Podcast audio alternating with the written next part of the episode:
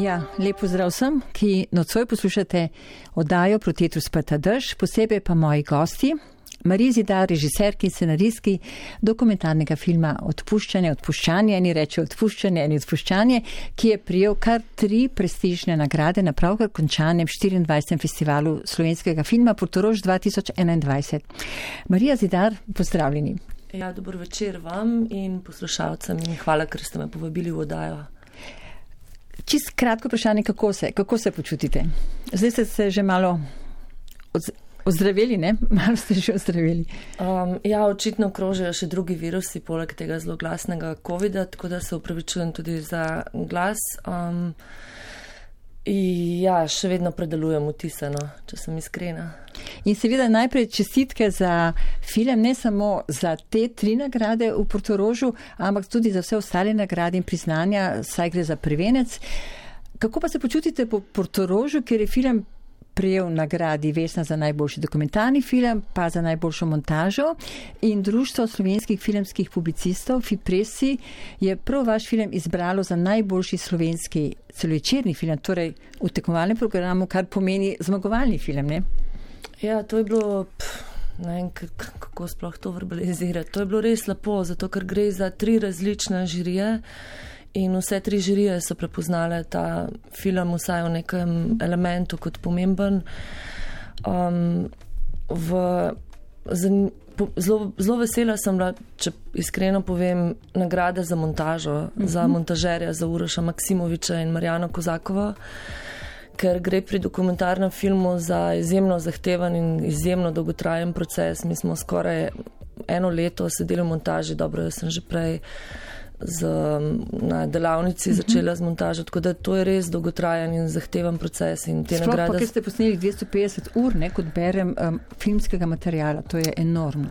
Ja, to pravzaprav za dokumentarni film v resnici, ki se je snemal um, skozi obdobje petih let, no štiri leta, bom mhm. rekla, najbolj intenzivno, niti ni tako veliko. Uh, snemalec je tudi, ima tudi izobrazbo iz montaže. On iz Kosova, diplomo, ne? Ja, Latif Hasoli. In se mi zdi, da se on zelo zavedal tega, kaj pomeni z, z zelo velikim številom ur pri to montažo, tako da sva ogromno delala na, na um, vizualnem pristopu, uh -huh. na kameri in tudi na materialu, že med snemanjem, ga sproti pregledovala, uh -huh. katalogizirala, komentirala. Uh, ravno zato, da ne bi prišli v montažo uh -huh. z um, številnimi posnetki in smo se neuporabnimi, ne, smo se zmenili, da um, ne bova snemala nič, kar ni res, kar se nam res ne zdi pomembno. Kar se pa Portoroža tiče, ja, seveda, mislim, jaz še zdaj nisem dala nič na Facebook, ki sem ga odprla samo po, šele po tem filmu, zato da sem nekako dostopna ali kaj pa vem kaj, ker sicer nisem na socialnih omrežjih. Um, v žiriji za celovečerne filme je bil, bom rekla, legenda. Um, jugoslovanskega filma Želimir Žilnik, uh mhm. -huh. poleg seveda dokumentaristke Dane Budisavljevič, morda je tudi to vplivalo na to, da sta um, dala nagrado za montažo, medtem ko recimo ne da bi katerega koli člana posebej izpostavljala, ampak v žiri za kratke um, dokumentarne, eksperimentalne in tako naprej filme pa recimo Matjaš Ivaniši in jaz sem Ivaniši, Ivaniši nove filme po večkrat pogledala in jih poskušala analizirati in se naučiti. On je razvil eno posem svojo poetiko um, in vizualizira to, kar ne obstaja. Uh, potem pa, pa še nagrada filmskih kritikov, ki pa je bila res nepričakovana.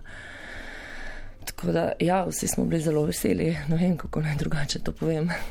Marija Zidar, rečemo odpuščanje ali odpuščanje?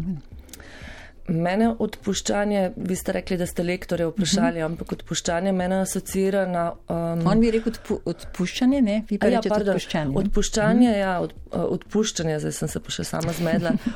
mene asocira na odpustiti nekoga, recimo iz službe, ne? odpuščanje delavcev, uh mhm. -huh. tako da film pa govori o, o tem, kako lahko nekaj odpustiš in ali se lahko spraviš z nečim, kar je kar te je uh mhm. -huh. prizadelo. Recimo. No, ker film Odpuščanje že v naslovu govori, da gre za zelo občutljivo in vznemirljivo temo.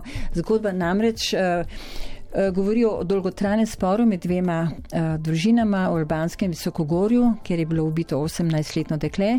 In kar je tle bistveno, ne, da film ne govori samo o odpuščanju, ampak govori tudi o spravi med družinami. Ne, in zato ima ta film tako neverjeten odziv, kjerkoli ga predstavite. Uh, in kaj so opazili, kaj najbolj, najbolj znemira žirije, kritike, gledalce? Ja, zdaj moram povedati, da pred, mi smo premjero imeli aprila še um, v času zaprtja -huh. držav po Evropi na Danskem, na festivalu CPH Docs, ampak predtem uh, smo pa, še posebej jaz, ker sem avtor, film predstavljala uh, interno, ker preden pride film ven, ga predstavljaš raznim prodajnim agentom. Eh, festivalskim selektorjem in moram reči, da v tem prvem krogu nismo imeli tako pozitivnih odzivov, da bi um, predvsem strani prodajnih agentov zaradi situacije, večina se jih je usmerila zdaj v mhm. televizijo. To ni televizijski film, bil je sneman za kinematografsko prikazovanje.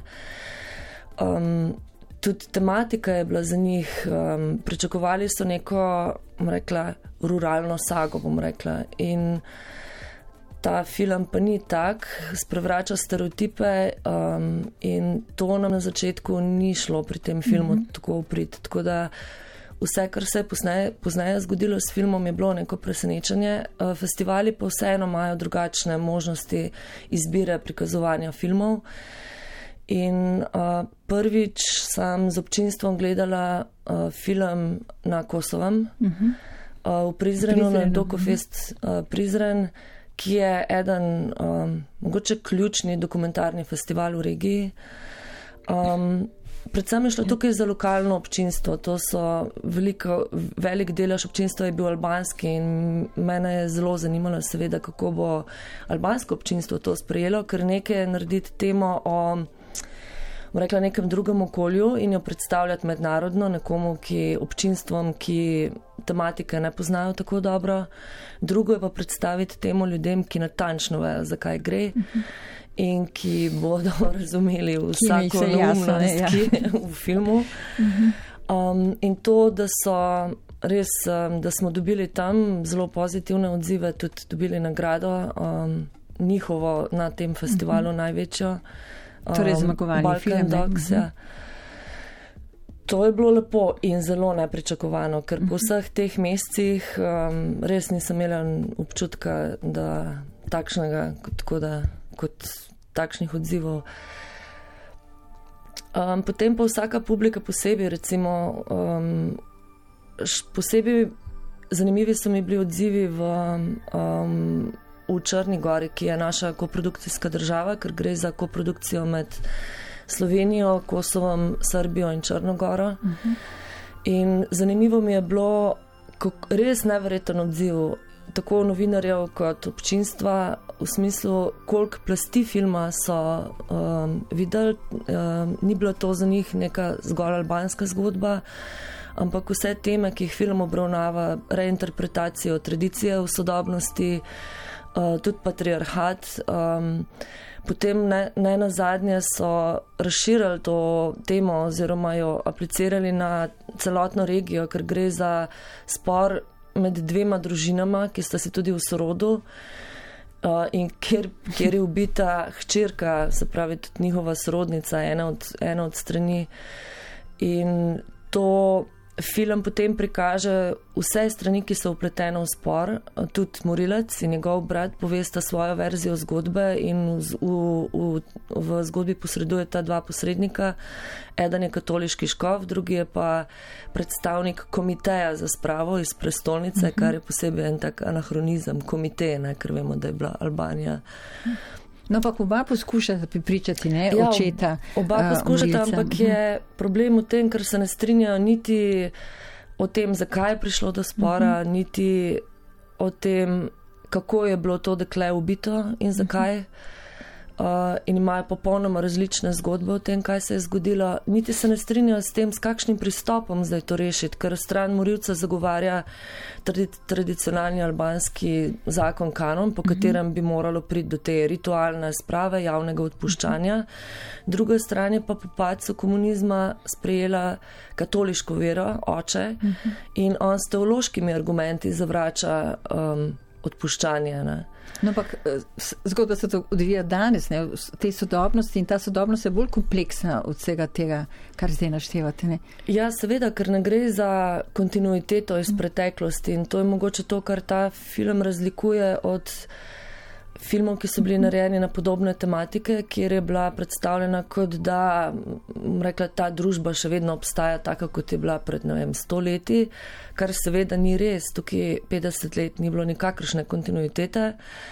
Um, Verjetno je Albanija imela eno najbolj radikalnih oblik komunistične diktature, ampak se o tem manj ve, ker so zamudili, bom rekla, ta val um, odkrivanja postkomunističnih držav v 90-ih letih. Um, in takrat je bil, se pravi, skoraj pol stoletja je bil pre, pre, prelom z tradicijo, z, z vero in vse to se je vrnilo v enem zelo specifičnem kontekstu. Um, v 90-ih letih v kontekstu nezaupanja v državo, nezaupanja tudi v njene zakone. Nova demokratska vlada je padla uh, konec 90-ih let zaradi velikega števila poncijevih ekonomskih schem. Uh -huh. In to je en tak kaos, rekla, družbeni, v katerem uh -huh. ne veš, na kaj se opreti in kjer se začnejo vračati uh, stare vrednote, uh -huh. vrednostni sistemi, ampak reinterpretirani.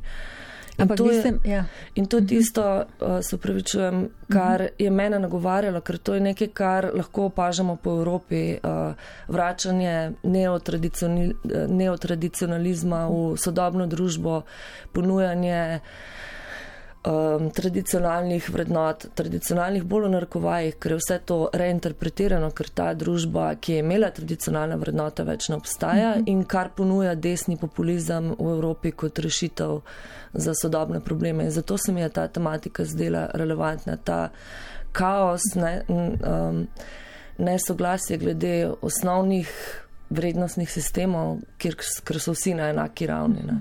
Morilec je seveda v zaporu, tako da zakon funkcionira, ampak ni konsenza o tem, kako zdaj to rešiti. No, ampak vi ste dobesedno zarezali v to družbo, ker vi predstavite vse udeležence v tem sporu. Ne?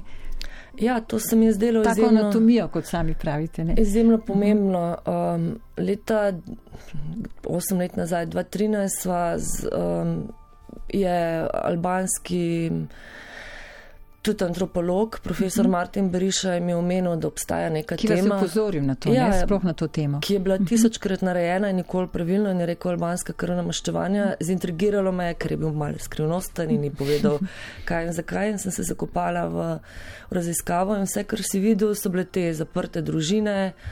In to je bil ta začetek, ne? Ja, da ste sploh bil... razmišljali o filmu. Ja, to je bil ta začetek, ampak potem sem ga čez nekaj časa poklicala in sem rekla, Martin, meni se zdi, da je to v bistvu zgodba o tranziciji, ne pa o trazi, uh, tradiciji. Ne? In je rekel, ja, točno to.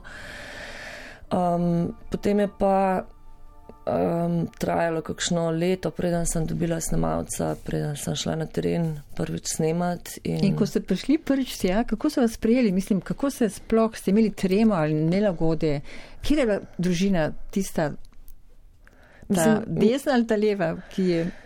Um, mi dva nisva takoj prišla do tega primera, mi dva so obiskala več, več primerov, ker um, te primere v narekovajih krvnega maščevanja, samo to bi rada povdarjala, da krvno maščevanje po kanonu je izjemno ritualizirano in to, kar se dogaja danes, te oblike, kjer je obstala samo mentaliteta, ne pa vsi zakoni rekla, in pravila, ki so vezani na maščevanje, temu ne moramo več reči Jack Marija oziroma krvno maščevanje, vsaj tudi po mnenju albanskih preučevalcev kanona. Tako da večino primerov imajo pod nadzorom te nevladne organizacije, kot je ta komite. Uh -huh. Te nevladne organizacije so v bistvu posamezniki, ki so začeli po pacu komunizma se predstavljati kot reprezentanti tradicije in ki so začeli upravljati um, tako imenovane sprave, oziroma so vsaj trdili, da to počnejo. Jaz sem že v raziskavi ugotovila, da se v ozadju dogaja v resnici nekaj drugega. Um, um, v tem obdobju je zelo veliko število Albancev iskalo azil v tujini zaradi ekonomske situacije. In te organizacije so bile v bistvu ustanovljene s tem namenom, da so pisale potrdila Albancem, ki so iskali azil v tujini, da so v krvnem maščevanju, tako da to je bil njihov primarni. In veliko večino njih je država uh, preganjala zaradi uh, tudi pisanja lažnih potrdil in zaradi prejemanja denarja za, za ta potrdila. Tako da to je vse skupaj postal tudi nek šov za zahod ne, v resnici, kjer, so, kjer te primere imajo pod kontrolo te nevladne organizacije in ti, ko prideš kot tujec oziroma ali kot novinar ali kot do, dokumentarist, um, te peljajo do teh nekaj primerov, ki jih imajo pod kontrolo in ti pokažejo to, kar se od tebe pričakuje. Tudi resnim medijem, ker nihče ne, nima časa preživeti tam več mesecev. Um, tako da mi dva, ja. tako da mi dva so poskušala to zaubiti tako, da um, sva preko katoliškega škofa lokalnega v Valdesu, kar je še vedno par ur vožnja iz, ampak ob vznožju Visokogorja, ki je vsako poletje obiskoval krščanske domačije v, v hribih. Tako da sva šla z njim, ne, ker je povedal, da je par primerov, kjer uh, je prišlo do oboja. Um, vmes um, pa paralelno snemala tega medijatorja um, iz uh, Tirane, ki je večinoma, večinoma so bili to neki taki spektakli, sobe polne moških, ki so se trepljale po ramenih, kdo je, kdo je bolj pomemben in tako naprej. Um, on je pa do vseh teh primerov samo enkrat ali pa dvakrat šel, ne, ker je tudi na koncu obupano, ker mi dva sva ga tam snemala zelo dolgo obdobje in že ni vedel, kaj bi pokazal, je rekel, se jaz tega v resnici sploh ne delam. Pardon. Torej, ne gre ja. samo potem za spravo in odpuščanje. Vaš film podaja tudi to širšo zgodbo kolizije vrednostnih sistemov ne, v tej družbi. Ki, vi kar dobro poznate, ker tam ste nekaj časa živeli, tudi govorite albansko, ne? Um, govorim manj kot uh mhm. -huh. razumem, ja, ampak slovnica uh, je moja šipka točka, ker sem šele na koncu šla za en mesec nekaj takšnega v tečaj, ker pač prej je bil najnurnik tak, da to ni bilo mogoče, ampak pasivno pa ja, seveda se je bilo treba montirati tudi v albanščini in zelo natančno rezati stavčne strukture tudi. No in potem marca pred svetovno premjero ste šli v um, ta kraj Ligbibaj, ne? Ligbibaj, ja. Ja, v albansko visokogorje, ne? To so neke vrste albanske Alpe, ne? Ali kako?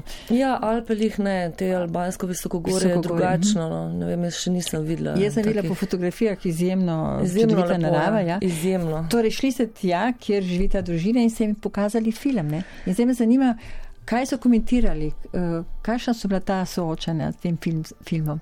Um, ja, Jaz sem jim obljubila, ko smo snemali, da bojo film videli, preden ga pokažemo komorkoli. Mm -hmm. Tako da, um, ko smo zvedali, da bo film sprejet, um, sem se pač odpeljala v.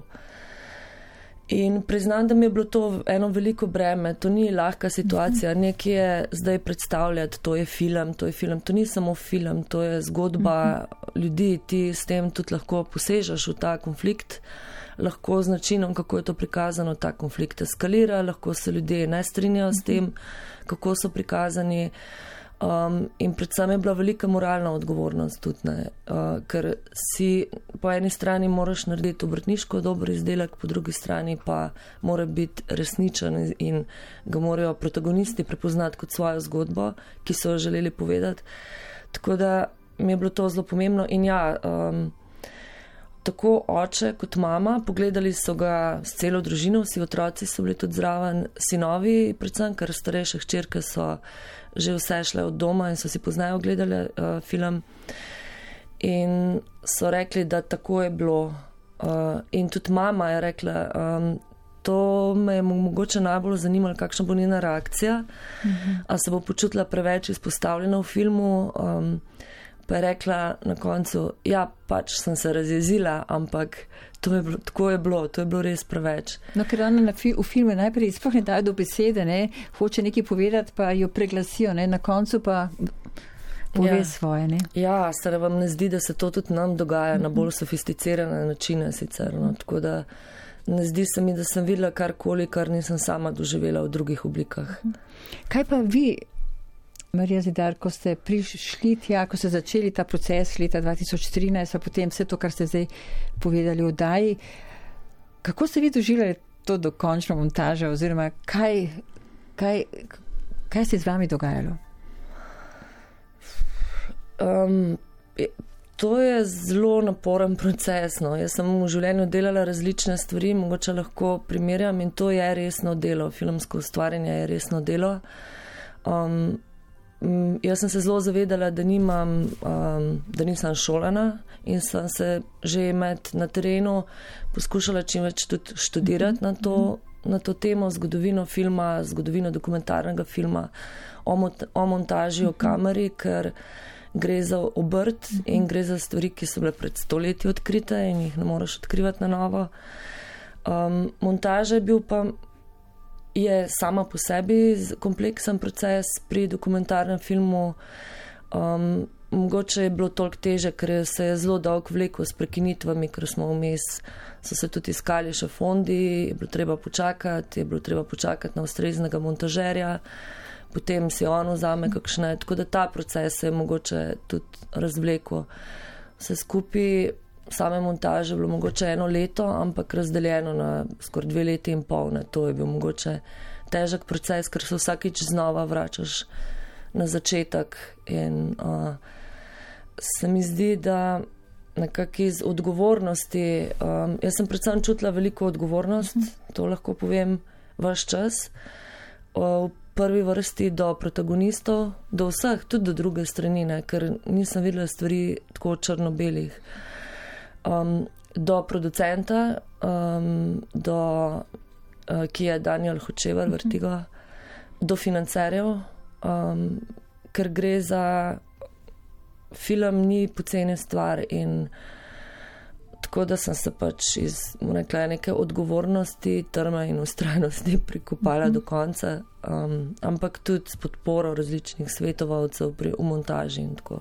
In potem je bil gotovo toliko večji užitek, ko ste v domačem okolju predstavili filme, da, je, da so ga sprejeli. Ne? To je bilo največ v bistvu. Ja, moja glavna preokupacija tudi zdaj pri predstavitvah filma je, da ni eksotiziran. Mm -hmm. Tako da počutim se še vedno toliko odgovorno, da, da ga predstavljam na pravi način in da gledalce, ki ga bojo želeli videti, pripravim na to, kar bodo gledali. Da, ni, uh, da ne bodo gledali dveh zaprtih družin, ki jokajo, ampak to za kulisje. No, in mogoče prej nisem dokončala misli. Meni je bilo zelo pomembno pokazati, kaj se dogaja v ozadju, v resnici tega teh ritualov v sodobnosti, seveda, ker to nikoli ni bilo prikazano, ker so bile prikazane samo posledice. Žene in, ženske in otroci, ki jokajo, potem ponovadi nekdo pride, ve se, da je nekaj v zadju, ampak ne vemo zakaj. In ženske so bile iz teh pogovorov vedno izključene. Ja. In zato se mi je zdelo zelo pomembno, da to prikažem in da prikažem. Da je to ta proces, da ga demistificiram, da je posem vsakdani, da se ljudje kregajo, tako kot se povsod. Uh -huh.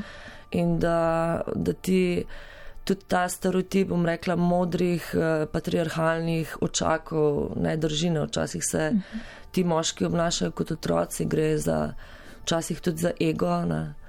In nihče noče popustiti. Rekla, spor, me, meni se je zdela to anatomija spora. Uh -huh um, kjer prikažem, zakaj je tako težko, uh mhm. -huh. zakaj sploh pride do spora in kako težko ga je reševati, in kjer vsaki strani dam možnost, da mhm. pojasni svojo perspektivo. Na, um, ampak zdaj nisem odgovorila na vprašanje. Ne, zdaj sem hodila nekaj drugega, ja, še v Sloveniji. Ja, v Sloveniji. Ja, ja, v Sloveniji mi je bilo zelo lepo, v Mariboru smo ga premjerno uh mhm. -huh. predstavili na um, Dokodok, uh -huh. na festivalu Dokodok. In um, še posebej mi je bilo lepo, ker je žirija govorila o teh notranjih uh -huh. obrazložitvi. To, kaj so Zelo povedali, lepo, mi je bilo, uh -huh. vedno preberem, na kakšen način žirija utemeli. Um, To mi je mogoče pomembnejše kot zgolj uh -huh. nagrada, pač to razumevanje filma ali pa branje filma, in zdaj pa še portorožno. No, pa če se vrnemo v Albanijo, je zanimivo, da to krvno maščevanje je močno prisotno in to v državi, kjer imamo prestolnico Tirano, ki je popolnoma drugače razvita od podeželja, ne, kjer ponekod vlada dobesedno 19. stoletje, ne? če gledam te dokumentarne filme, te, kar vidimo. Ne? In te socialne razlike so velikanske. Ne? Čeprav um, obstajajo neki stereotipi o Albancih, ne vem, da se tukaj preprodajajo največje vem, droge in tako dalje, ampak vendarle um, država je zelo uh, razcepljena, ne, kar se tega tiče. Ne. Zelo je opazna ta razlika. Um, Kako se vi doživeli ta? Verjetno tako kot pri nas, če greš na kakšen zelo odmaknen del. Mhm. Um, Ja, seveda je razlika med urbanimi središči in, in to sem tudi hodila v filmu pokazati. Nujno mi je bilo, da ne ostanemo samo v ruralnih uh mhm. -huh. predeljih, ker to ni reprezentacija celotne uh mhm. -huh. države. Seveda, Albanija je zelo kompleksna, tako kot vsaka država in zato mi je bilo pomembno, da imamo tudi ta urbani del, uh mhm. -huh. da se razume, da je Albanija tudi urbana, kar je. Um, Tirana omenil, je zelo modernizirana. Ja, ne? Tirana se je tudi severna, recimo Bajram Curi. Se spomnim, preden sem šla prvič dol, sem se dobila z Ervinom Hladnikom Milharčičem, ki je bil nekoč moj urednik na sobotni mhm. prilogi in mi omenil Bajram mhm. Curi, ki je na severu, to je mogoče pol ure stran od Lek Bibaja, kjer smo snemali kot mesto, v katerega sploh nisi mogel iti nikakor. Zdaj imajo tam shopping center um, različne stojnice, restauracije, vse je zelo se razvilo v, v smeri turizma. Um, ampak prej ste omenili, da je še zelo veliko krvnih maščevanj. Mhm. Ravno to je problem, ker to je, to je bila posledica teh predstavljanj in samo eksotiziranja teh nevladnih organizacij, ki so v bistvu želele tudi tujim zahodnim medijem prodati to sliko, da, da ta tradicija obstaja še, mhm. ker so s tem profitirali. Um, v resnici pa nam, mislim, to niso več, kr, temu ne moramo reči krno maščevanje, oziroma uh, Jack Marja je v po kanonu bilo neko zelo ritualizirano, uh, zelo ritualizirana oblika in se ni bilo tako lahko maščevati, včasih po več generacij. Ne. To, da zdaj nekoga ubiješ, ne, obnovila se je samo mentaliteta, ne, neko sklicevanje, češ mi to lahko, ker je to naša tradicija in ti uboji so taki kot povsod. Kar je tudi v filmu prikazano, ker to, ta punca ni ubita v krnem maščevanju, ubita je v sporu, v posem običajnem sporu. Tukaj ni bilo v zadju neka, neka druga smrt, zaradi katere bi se oni maščevali, ampak v dolgotrajnem, v dolgotrajnem konfliktu, ki se je začel zaradi čist nekega drugega razloga, kar pove šele v zadnjem prizoru se to razkrije. Um, in tudi to vprašanje, kako zdaj rešiti, je zelo kaotično. Ne? Tako da te številke so dejansko prenapihnjene, ker so jih eh, katalogizirale te organizacije, ki so prodajale certifikate za azil in s tem naštele ogromno število primerov, jih kazale zahodnim medijem. Ne? Ampak vse skupaj je včasih tako potem kinova vasno. Ne rečem, da to niso, da ti primeri niso. Um, hudi, da ne gre za težke družinske osebne situacije, za težke spore, ampak, um, kot sem rekla, tudi po mnenju albanskih preučevalcev kanona, to niso več krvna maščevanja, to, so, to je neka pervertirana oblika v resnici. Ne. Ja, še to, da izkoristim ko ste v studiu, vi dobro poznate tudi kosovski film, ne? večkrat ste sedeli tudi v žirijah. Kako komentirate ta uspeh ženskih režiserk z Kosova, ki predstavljajo pravi filmski hit, kjerkoli se pojavijo na festivalih? To je zdaj že kar neverjetna zadeva. Uh, večkrat ne, enkrat sem bila v Makedoniji, v Tetovu, ki pa je, ki pa je ima albansko uh mhm. -huh. populacijo. Uh, sem pa imela, kot sem omenila, snemalec iz Kosova uh mhm. -huh. in zato sem sledila vsa ta leta, pa tudi poznala, mogoče, ker je govoril o, o problemih, ki jih je imela njegova generacija takrat. Uh, Uh, na Kosovo je bil specifična situacija, ker uh, imeli so generacijo, ki je ustvarjala jugoslovanski film, ki pod srpsko represijo je nenadoma ni mogla več delati, filma potem ni bilo. Ta starejša generacija je bila tudi upravičeno, recimo, frustrirana, mlajša generacija pa še ni. ni ni prišel, recimo moj ta snemalec je bil, je imel takrat koliko, nekaj čez 30 let, se je komaj doštudiral, dvakrat na dva faksa je mogel iti, ker prvi, prvega niso priznali. Uh, tako je po vojni, uh, tako da ta generacija še, se je šele zdaj oblikovala. In tudi, um, skratka, bil je bil neka vrsta razkol, imeli so, uh, financirali so se filmi avtorjev starejših generacij, kot je naprimer Isa Čosja in tako naprej. In kar je naredil, zamenjala so se generacije in tudi direktor um, Kosovskega uh, centra za kinematografijo oziroma kinematografskega centra je spremenil model financiranja in je razdrobil proračun na manjše dele. Um, začeli so se financirati filmi mlajših avtorjev in tudi avtoric, ki so tematizirale neke trenutno aktualne teme uh, patriarhata in ki so na ta račun, da so dobili vsaj nekaj denarja doma, lahko delali koprodukcije potem mhm. -huh. s temi sredstvi v tujini. No, ampak ene so se tudi šolale v tujini, ne? Ja, dve, seveda, ne? to je bilo tudi se... pomembno. Ne? Ja, seveda, ker -huh. so bile zelo mehne možnosti, tako je po vojni za šolanje. Obstajale so neke zasebne univerze, ki pa, tako kot sem rekla, nekaterim potem niso priznali oziroma um, niso priznali, ljudje so doštudirali, pa jim niso priznali izobrazbe, zaradi tega jih je vreten, tudi iz drugih razlogov, veliko kosovarjev šlo takrat v tujino.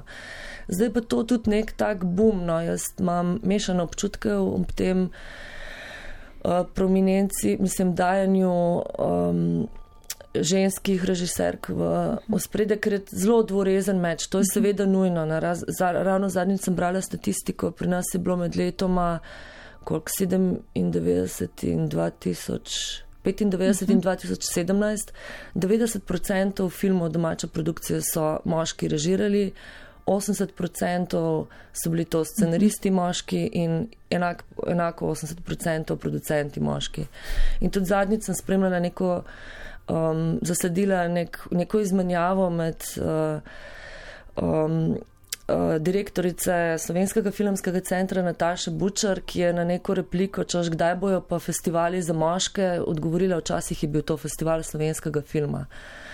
In seveda je nujno, da se, da se zdaj avtorice dajo v spredje. Nažalost, moramo imeti to neko pozitivno diskriminacijo, ampak včasih se mi zdi vse skupaj tudi blažal žegan, zaradi tega, ker takoj, ko smo začeli vstopati eh, v večjem številu v, v, v filmski poklic, se pojavljajo tudi takoj neke omejitve. Recimo, ker je to ženska avtorica, ženska tema, postal takoj kliše in stereotip, kaj mora ženska avtorica predstavljati in to mora biti ženski lik, ki se upira patriarhatu. In recimo, ko smo mi na začetku leta predstavljali ta film raznim prodajnim agentom um, in um, dobili, sem dobila tudi take odzive in to včasih tudi strani žensk, ne, da to ni ženska perspektiva, ker se v filmu preveč fokusiram na moške in da bi morala biti samo mama več ali manj v spredju. Recimo to.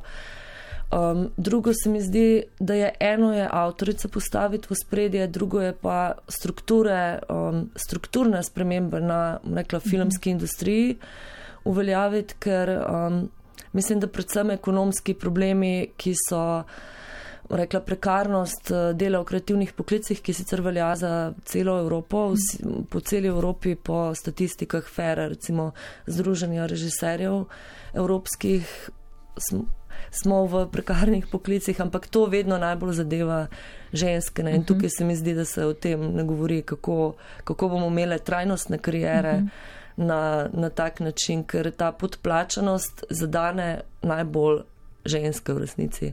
In lepo je dati, um, rekla, za prvenec možnost, ampak kako lahko film delaš naslednji in še naslednji. Še to naslednji. se mi zdi vprašanje mm -hmm. in mhm. približno preživiš, ker je to poklic in ker je to delo, po mojem mnenju. Mm -hmm. Marija Zidar. Hvala za pogovor. Hvala, da ste prišli v studio so dva in še enkrat čestitam za dokumentarni film Odpuščanje, odpuščanje, ki žanje uspehe od festivala do festivala in zagotovo gre zgodba še naprej. Hvala lepa za vabilo. Zelo hitro je minilo, smo zdaj, da bo pol ure težko napolnili. Hvala. Hvala, Marija. Lahko noč.